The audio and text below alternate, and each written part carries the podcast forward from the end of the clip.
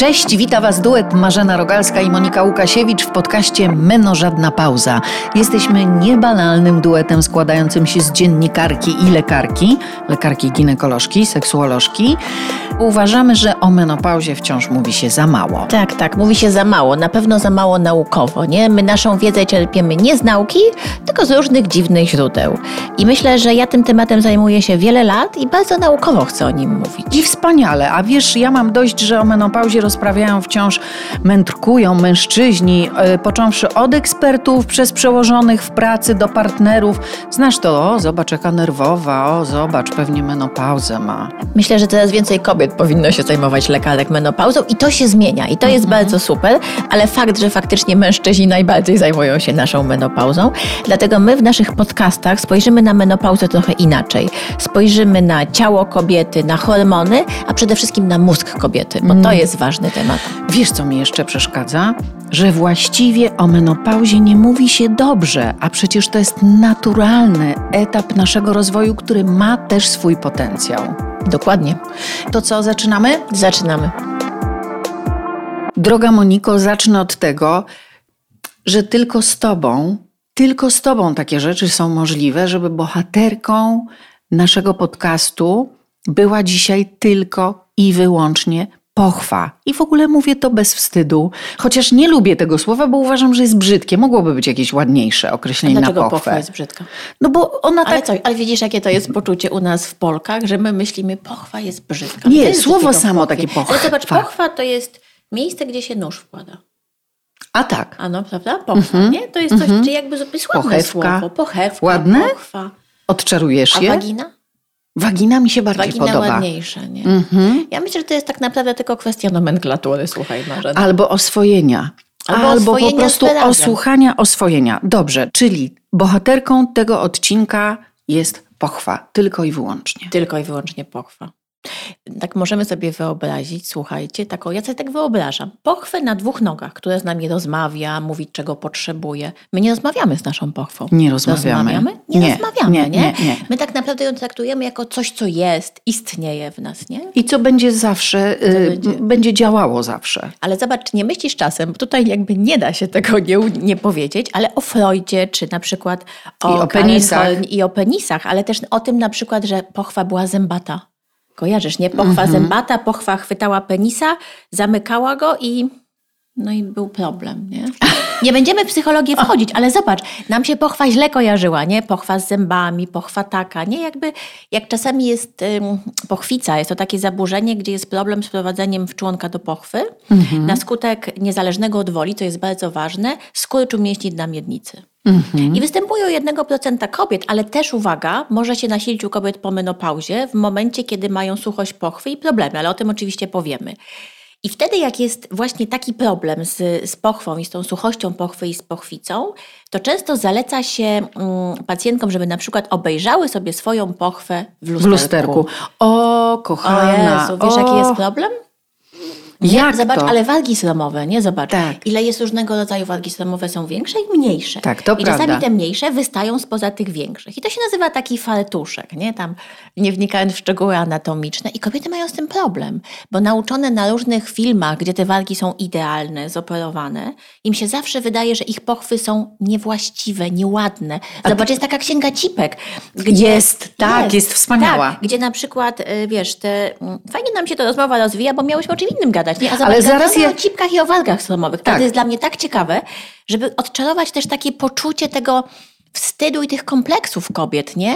Które jakby widzą własne tylko cipki, albo ich nie widzą, bo nie oglądają w tych lusterkach. O to chodzi, a tymczasem- strasznie wstydzą. A tymczasem trzeba tam y, zaglądać regularnie.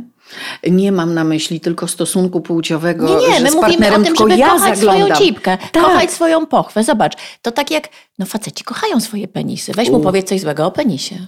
On go kocha, nie? On jest uzależniony dla niego i to jest okej. Ale to jest okej. Trzeba kochać każde części naszego ciała. Tak. Cipka, pochwa jest też częścią naszego ciała. Wargi sromowe też.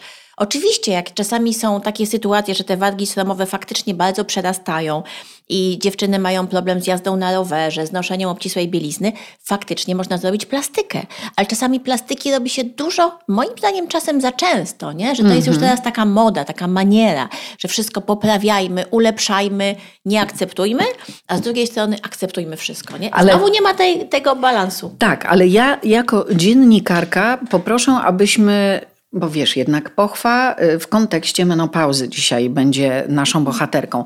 Czyli zacznijmy od początku, od tego takiego poczucia, że tak, generalnie to, zanim y, wejdę w okres menopauzy, wydaje mi się, że przecież moja pochwa zawsze będzie taka sama, pięknie nawilżona i w ogóle wszystko będzie super działało.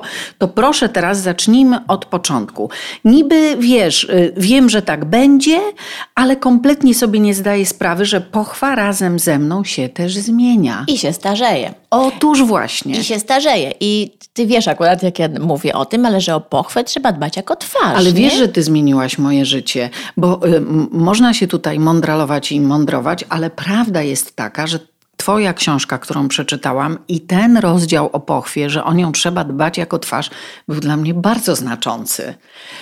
Bo ja natychmiast się zastanowiłam, Jezu, w życiu tak o tym nie myślałam. Nie, bo nikt o tym tak przełom. nie myśli, nie? Otóż to. Bo zobacz, bo o twarz się dba, smarujemy kwasem hialuronowym, kremami, nie? Robimy peelingi, robimy lasery. Zobacz, nie widzisz analogii? Jakby dokładnie to samo można robić z pochwą. Tylko, że nam się wydaje, że ona, tak jak mówię, że ona zawsze taka będzie, Tak. nie? Zawsze będzie nawilżona, nigdy nie będzie problemów z suchością, nie? Nie będzie problemów wcześniej po porodzie, potem po menopauzie, a niestety te problemy są. Ale jak o tym myślimy już zawczasu, to możemy wielu rzeczom uniknąć. Nie? Wiele rzeczy takich, których nie chcemy z naszą pochwą, żeby się działy, uniknąć. Czyli integruję sobie to ch- Twoje hasło, Twoje powiedzenie, że o pochwę trzeba dbać jako twarz. Zdanie, zrobię tu takie moniu malutkie lokowanie produktu, uwielbiam. Zdanie wyczytane w Twojej książce. Yy, Seks bez cycków, czyli seks dobrze zaprojektowany. Monika Łukasiewicz. Yy, Więc integruję sobie to zdanie i dbam o pochwę jak o twarz. Zaczynam dbać kiedy? No bo przecież nie dopiero wtedy, kiedy menopauza albo Zaczynamy- perimenopauza Zaczynamy dbać tak naprawdę w momencie, kiedy faktycznie zaczynamy nasze życie seksualne. Bo ja Okej. uważam, że, zobaczcie dziewczyny, no w jakimkolwiek wieku nas słuchacie, Najpierw jak człowiek zaczyna życie seksualne, to głównym problemem, z którym kobiety przychodzą do ginekologów, pamiętajcie, są upławy. To jest tak, że na początku przychodzą, mają ciągle upławy. Mają upławy, przez to im się nie bardzo udaje życie seksualne. I to jest jakby początek tego dbania o pochwę. Czasem pytanie na przykład jest takie, jaką mamy dietę? Czy nie jemy za dużo cukru? Uwaga, kolejne pytanie, czy nie ma suchości w czasie seksu? Bo jak jest suchość w czasie seksu, to te upławy się też y, nasilają, dlatego że dochodzi do mikrourazów śluzówki i znowu się powtarzają upławy. Czyli każda aktywność seksualna kończy się upławami i jeszcze jedna rzecz, zapaleniem pęcherza moczowego, bo tam wszystko jest ze sobą, słuchaj, powiązane. W związku z tym kobiety unikają seksu. I co się dzieje? Ale pamiętajmy, zróbmy analogię potem do kobiet po menopauzie, bo to będzie Dobrze, bardzo dobrze. podobnie. Dobrze. I co potem one mówią? One mówią, ja nie lubię seksu, ale od czego się zaczyna? Od pochwy, nie? Bo Mhm. zaczynają być upławy, zaczyna być nieprzyjemnie. I teraz czasami leczeniem upławów będzie to, że kobieta zacznie zwracać na to uwagę, że pochwa powinna być nawilżona. Czyli nie zaczynamy kontaktów seksualnych, kiedy mamy suchość pochwy. Z czego może wynikać suchość pochwy? Ja mówię w tym okresie, kiedy zaczynamy nasze życie seksualne. Albo z tego, że na przykład czasami antykoncepcja, nie, jakoś tam gestageny mogą wpływać na to, że u jednych pacjentek będą działały ok, a u innych mogą powodować suchość. Na to warto zwrócić uwagę. Ale tu trzeba być czujnym i naprawdę być w stałym kontakcie y, z lekarzem, bo to też buduje ci taką świadomość swojego ciała. No i ten kontakt z pochwą masz. No i ten kontakt z pochwą. Ale Prawda? zobacz, jak pytasz, dlaczego coś się dzieje, nie? I my wtedy widzimy, o faktycznie, jest suchość w seksie, albo suchość w seksie jest dlatego, że nie czujemy pożądania, czyli nie mamy, wiesz, tego poczucia, nie ma nawilżenia pochwy. M- mózg się nie kontaktuje pochwa, z mózg się nie pochwą, kontaktuje tak. z pochwą.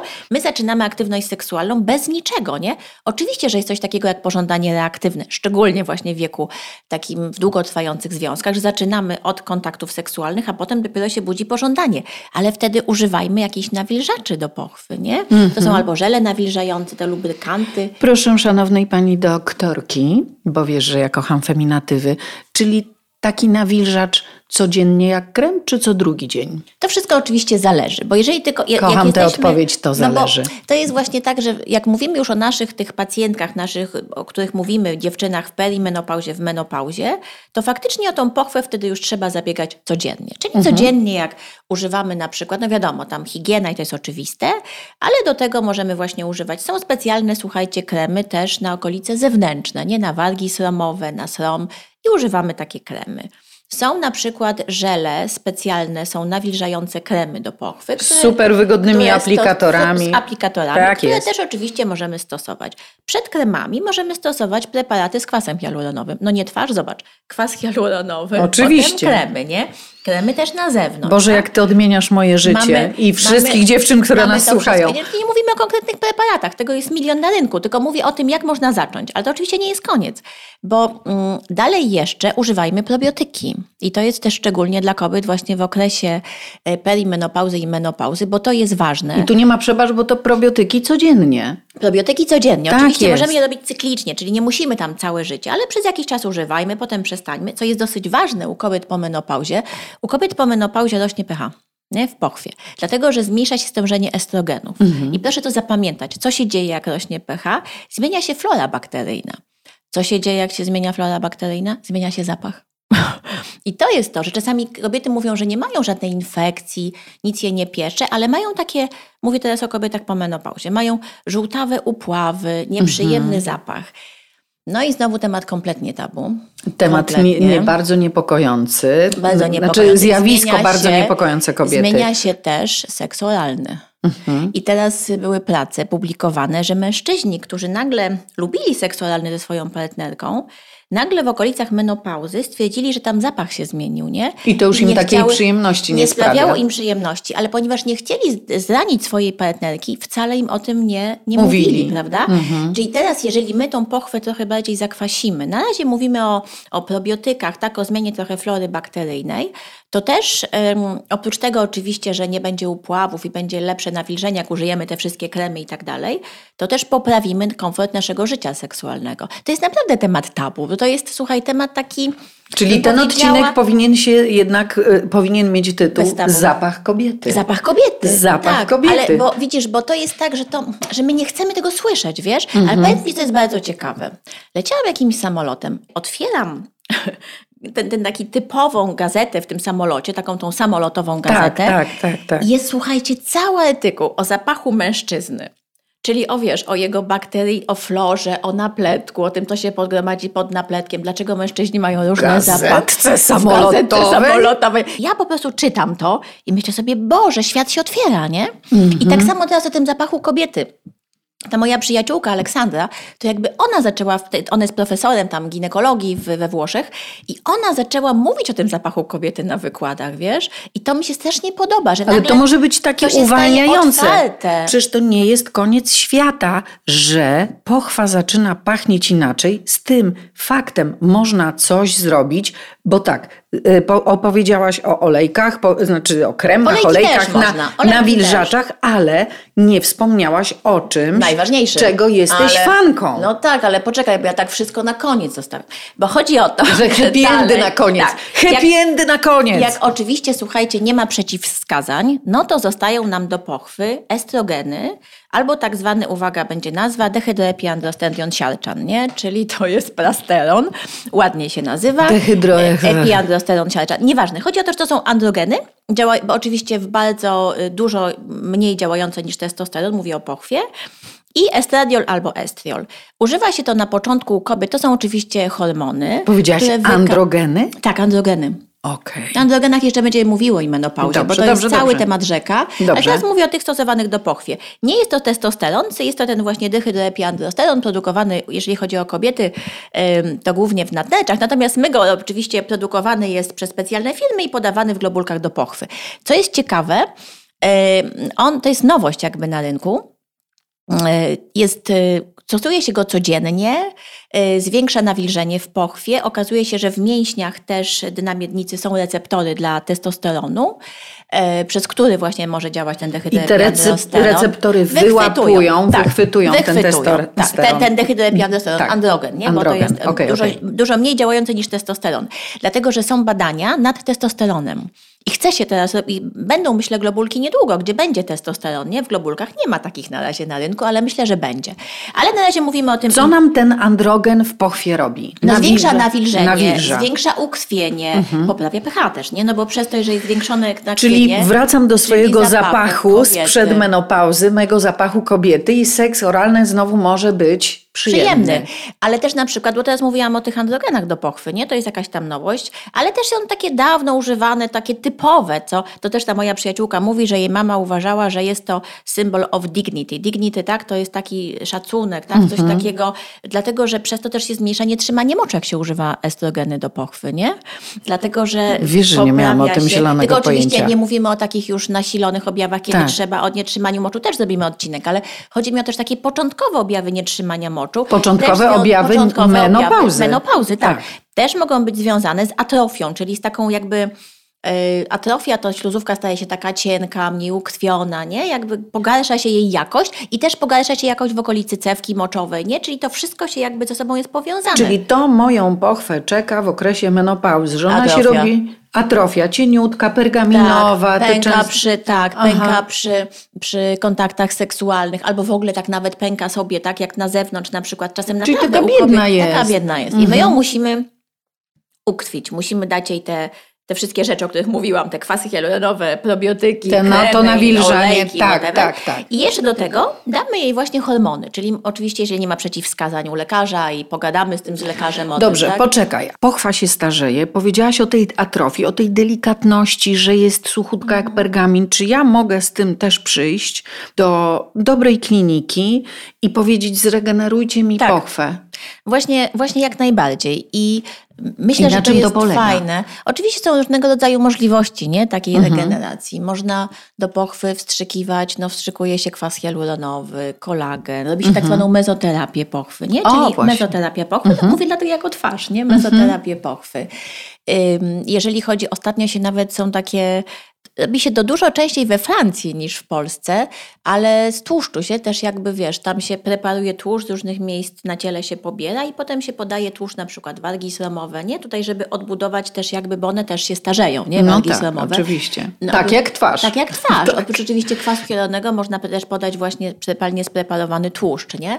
I to jest dosyć ciekawe i mówię, we Francji bardzo dużo się tego robi, w Polsce chyba trochę mniej. Mhm. No ale mówię, kwas hialuronowy albo na przykład mezoterapia też własnym osoczem. No dokładnie tak samo, nie? Wiruje się osocze i po prostu czynniki, które są w osoczu wzrostu są wy wykorzystywane nie w tej regeneracji pochwy. Oprócz tego oczywiście jest laseroterapia, tak? Pochwy tam kilka razy. Jest taka metoda HIFU, to są takie sfokusowane fale ultradźwiękowe, które też, to tak samo na twarz, nie? To jest dokładnie jest, to jest samo. Jest HIFU na twarz Jest HIFU na twarz, jest laseroterapia do pochwy. Y, są oczywiście różnego rodzaju metody typu, uwaga, no, nastrzekiwanie punktu G i to jest tak, że, że część kobiet mówi, że to faktycznie działa, część mówi, że nie działa. Pamiętajmy, że w nauce to jest ciągle kontrowersja ten punkt G. Nie? Mówię o tym dlatego, tak. że, że to czasami nie rozwiązuje naszych problemów. Nie? Czasem ta regeneracja myślę, że jest fajna i myślę, że warto z tego skorzystać, ale też tego nie traktować jako już na zawsze i jakby nie robić tych innych rzeczy. Nie? Znaczy... Bo nawet jak robimy sobie laser na twarz, przepraszam, że ci przerywam, tylko to jest ważne, to potem i tak dbamy o tą twarz. Ale oczywiście, tak bo samo, to nie ma tego, tak. E, e, to nie działa raz na całe życie. To, że tak, ginekologia tak, tak. Estetyczna się rozwija i bardzo fajnie. I myślę, że właśnie w tym okresie około menopauzalnym, menopauzalnym też jakby wpływa korzystniej na odczuwanie orgazmu ta rewitalizacja pochwy, ale też na nietrzymanie moczu w tych takich wczesnych stadiach. Mnie chodzi o to, że to jest genialne, że my pokazujemy możliwości, że kobiety w peri i w menopauzie i po menopauzie nie muszą być skazane na taki niebyt w życiu seksualnym. Ale w ogóle nie. Ale Prawda? właśnie dużo możliwości, tak? Otóż jeżeli, to. Bo ta ginekologia estetyczna jest droga, no umówmy się, więc jeżeli ktoś sobie nie może na to pozwolić, to ma zawsze inne metody, tak? Mówię o tej rehabilitacji mięśni na miednicy, tak? To jest naprawdę rewelacją, jak się na to chodzi, się ćwiczy i tak dalej.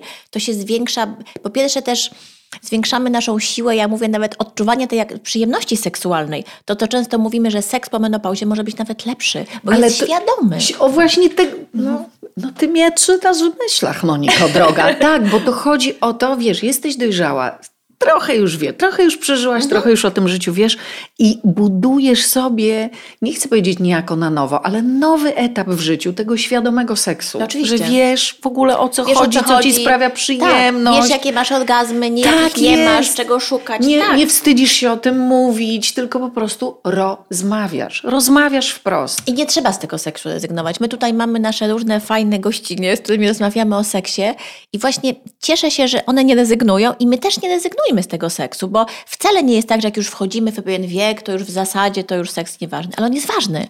Tylko my go same czynimy nieważnym. My same czynimy pochwę nieważną. Nie rozumiesz? To jest tak, że to my same, my kobiety tak robimy. No w jednym z naszych y, odcinków powiedziałyśmy, no, że człowiek lepiej wygląda, lepiej się czuje, dłużej żyje. No tak, jak, jak ma tą aktywność seksualną, seksualną często. W końcu to jest też sport. Ale jak słyszą kobiety, hormony, to jest od razu masakra, lęk, nie mają pojęcia, ja też nie miałam, bo wyedukowana zostałam przez ciebie, że te hormony sobie aplikujesz do pochwy i one tam zostają. Tak, one się wchłaniają w bardzo niewielkim stopniu, w bardzo niewielkim. E, I oczywiście są cały czas badania robione, bo tutaj chodzi też głównie o kobiety po raku piersi. Bardzo zależy tak badaczom i w ogóle wszystkim, mm -hmm. żeby mieć lek, który można stosować u kobiet po raku piersi. Mm -hmm. Bo kobiety po raku piersi już w ogóle cierpią na te suchości pochwy i tak dalej w dużo, dużo nawet większym A stopniu. też chcą mieć życie A seksualne. Też chcą mieć życie seksualne. W związku z tym się próbuje jakby znaleźć dla tych kobiet rozwiązanie. Te androgeny wydają się być jakimś rozwiązaniem, ale pamiętajmy, FDA jeszcze absolutnie tego nie zatwierdziło. Natomiast y, czasami uważa się i onkolodzy też piszą i w Polsce może mniej, ale też się starają, ale w Stanach często u pacjentek nawet po raku piersi stosowane są estrogeny dopochwowo, oczywiście po jakimś już tam odpowiednim czasie terapii, przy kontroli lekarza, po konsultacji onkologa z ginekologiem, dlatego że one się tak mało wchłaniają i nie wykazano, żeby zwiększały ryzyko nawrotów raka piersi. Mówię o tym tylko dlatego, absolutnie nie są w żadnych rekomendacjach, tak? ale pamiętajmy, że pewne rzeczy gdzieś tam wchodzą w, w, rekomendacje dopiero za długi, długi czas, ale są pisane oczywiście po rozmowie z, z pacjentką. Ja mówię o już takich naprawdę ekstremalnych przypadkach, więc my ale... mówimy o zdrowych kobietach, tak. gdzie, jest, gdzie te hormony praktycznie praktycznie według badań nie wchłaniają się i nie mają skutków ubocznych. Ale poczekaj, żeby nas dobrze kobiety y, zrozumiały. Nie, chła, nie wchłaniają się poza pochwą, że tylko bardzo o to, niewielkim, w bardzo o to chodzi, bo tak. one są one się, dopochwowe one i one mają działać tylko tak. w pochwie i tam tak. są też receptory tak. wychwytujące estrogeny, bo są tak. dokładnie. Natomiast chodzi o to, że nie wchłaniają się w takim dużym, wiadomo, tak, trochę się wchłaniają, bo się zawsze wchłania, ale nie ma, nie ma to dużego znaczenia dla obwodu, nie? I w ogóle Otóż to, i na o przykład, to chodzi hormonalna terapia menopauzalna, o której też będziemy mówiły w innym odcinku, e, jakby do niej łączy się bardzo często hormony dopochwowe, dlatego że ona sama nie działa aż tak na pochwę. Nie? Ona ma milion świetnych działań, natomiast nie na pochwę. Na pochwę musimy działać coś, co wkładamy do pochwy. Otóż to i to jest taka terapia hormonalna celowana. Tak. Tu, to tu jest, jest wasze miejsce, proszę bardzo, miejsc, zapraszam tak, do pochwy. dajemy tak, miejscowo do tak, pochwy. Tak, tak. Co jest też ciekawe, y, często w menopauzie Zapomina się o mięśniach na miednicy. Mhm. I mięśnie na miednicy zaczynamy ćwiczyć faktycznie w momencie, kiedy jest ta rehabilitacja mięśni na miednicy, jest biofeedback, jest elektrostymulacja. Oczywiście są różne metody. Ja się nie zajmuję rehabilitacją, więc tutaj pewnie z rehabilitantką trzeba by dokładnie przegadać jakby nasze takie postępowanie w rehabilitacji, ale pomaga ta rehabilitacja zarówno na nietrzymanie moczu, na odczuwanie orgazmu, jak i na ukrwienie, czyli też poprawia, że mm, pochwa jest bardziej nawilżona, bardziej wilgotna, no i poprawia się oczywiście nie tylko nietrzymanie moczu, ale poprawia się odczuwanie seks, odczucie seksualne. I Czyli tu, traktujmy pochwa na siłownię. Otóż właśnie chciałam to powiedzieć, że to też było dla mnie cudowne, jak napisałaś w swojej książce, a ja to mogłam przeczytać z pochwą na siłownię. No tak, bo zobacz, bo my idziemy z mięśniami na siłownię, ale kto chodzi z pochwą na siłownię? Teraz każda słuchaczka naszych podcastów będzie chodziła z pochwą na siłownię. No i bardzo się jej to należy. I jeszcze coś,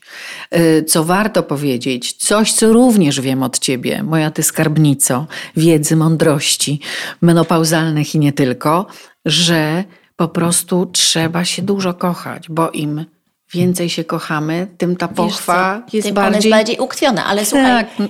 nawilżona tak, też, prawda? Ukrwiona, nawilżona. Pani profesor Leibblum, ona nie żyje wiele, wiele lat, ale to ona wprowadziła taką teorię do nas, do seksuologii, że mówiła, napisała w swoich badaniach, że im jest większa i częstsza aktywność y, seksualna, tym dochodzi do zwiększonego ukrwienia, mamy lepsze orgazmy, mamy mm, no, większe oczywiście też nawilżenie tej pochwy, więc w celu poprawy swojej aktywności seksualnej i suchości pochwy należy się często kochać. Tak. Czyli im, a tutaj zobacz, jest jakby trochę odwrotnie w okresie menopauzy, ponieważ jest, seks jest bolesny, jest nieprzyjemny, jest sucha pochwa, więc kobiety unikają aktywności seksualnej. Im bardziej unikają, im bardziej unikają tym gorzej do tego gorzej. wrócić. Ja tak. bym nawet tutaj podpowiedziała taką rzecz, że bo przecież wiadomo, że nie każda kobieta y, albo ma partnera, albo chce partnera, albo ma partnerkę, czy chce partnerkę. To już jest jakby kwestia wyboru. Natomiast jeżeli o tą pochwę warto też dbać w takich sytuacjach, mówię o okresie menopauzy, bo ona faktycznie ulega, no mówiłam atrofii, ale też zwężeniu, czyli mhm. jeżeli na przykład y, miałyśmy wcześniej aktywność seksualną z penetracją, to warto, nie wiem, nawet sobie kupić jakiś mały wibrator. Ale Wiesz, czy ty pamiętasz, co Albo mówiła Bogna Sforowska? Tak. Bogna Sforowska tak. mówiła, że dostała takie zalecenie od swojej wspaniałej lekarki. Bo ja takie zalecenia daję, ale wiesz, to też trzeba dosyć uważać, bo no tak trochę jest, że jesteśmy trochę takim krajem, gdzie czasami to może być źle odebrane, wiesz, no masturbacja, nie, to przecież jest jakby czymś, czego no się nie, nie robi. Grzech, nie wolno. Grzech, grzech, pani. Ale, ale nie chcę w to wchodzić teraz, ale tak. bardziej mi chodzi o to, że faktycznie, że ten wibratorek powinien być nawet po to, dla zdrowia, nie, bo to mm -hmm. chodzi o to, żeby potem jak zacznie, bo jak, nie ma, jak mamy, wchodzimy w menopauzę, nie ma aktywności seksualnej 6 lat, nagle za 6 lat chcemy zacząć aktywność seksualną i jest nagle wielkie zdziwienie, nie? bo pochwa jest zwężona, seks bardzo boli, nie ma nawilżenia, no w ogóle i, i, i kobiety często są w szoku, no jak to, nie? Mm -hmm. A właśnie dlatego, że nie myślały o tym przez te lata, nie? Że nie myślały, że nawet jak nie ma aktywności seksualnej, warto coś z tą pochwą w tym czasie robić, no. Warto w ogóle się nią zajmować i wiesz co, naprawdę Monika, myślę, że odmieniamy życie wielu kobiet. E, I czy ktoś ci już dzisiaj mówił, że cię kocha? Nie. No to ja ci to mówię. Kocham cię, co oznacza jakieś po prostu milion razy dziękuję. Naprawdę, dziewczyny, to tak po prostu trzeba by tu taką puentę zrobić. O pochwę trzeba dbać jako twarz, trzeba z nią chodzić na siłownię, no i po prostu trzeba się nią zajmować i skończyć z tym wstydem i oswajać to tak, słowo. żeby o pochwie mówić bez tabu, bez tak. wstydu, nie? I piszcie do nas, jeśli tak. chcecie coś więcej o pochwie. Tak. Doktor Monika odpowie. to dziękujemy, nie? Dziękujemy. I do, do następnego. Do następnego. Do następnego podcastu odcinka.